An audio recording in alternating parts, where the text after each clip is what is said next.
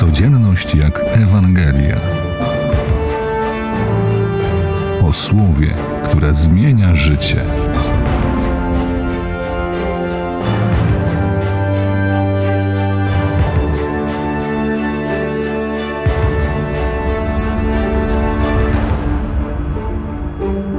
Biada tobie Korozain, biada tobie Betsaido, jakże ciężkie słowa wypowiedziane przez samego Boga do konkretnej społeczności.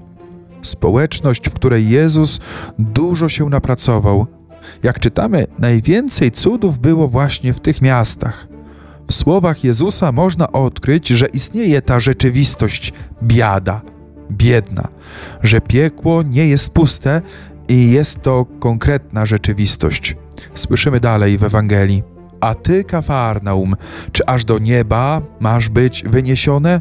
Aż do otchłani zejdziesz. Nauczanie Kościoła nazywa herezją, nieprawdą twierdzenie, że piekło jest puste. A może nie patrząc tak sceptycznie na całą rzeczywistość, w tym biada, widać również nadzieję, że skoro istnieje społeczność, która prowadzi do zguby, którą Chrystus specyficznie gani, to znaczy, że istnieją społeczności prowadzące do życia i dobra.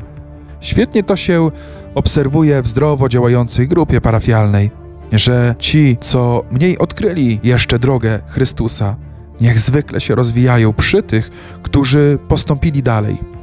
Taką zależność widać w szkole, jak uczeń trafia do dobrej klasy, to mimo swoich braków podciąga się bardzo szybko. Nie inaczej jest w relacyjności uczenia się dobra i zła, miłości i nienawiści. Z kim przystajesz, takim się stajesz, znamy te powiedzenie. Dobrym etapem rozwoju naszego życia duchowego będzie spojrzenie właśnie na to, z kim przystaję, z kim trzymam. Czy moje relacje w codziennym życiu prowadzą do życia? Może trzeba przewartościować niektóre znajomości, szczególnie te, co powodują kwas w relacji do Boga i innych ludzi. Czasami nawet trzeba oczyszczenia i separacji z ludźmi, którzy powinni być bliskimi Tobie.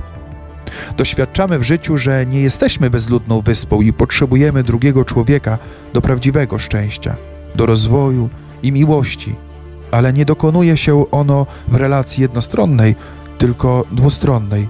Szukajmy zawsze tych miejsc, gdzie miłość w nas i w drugim człowieku przez nas będzie się rozwijała.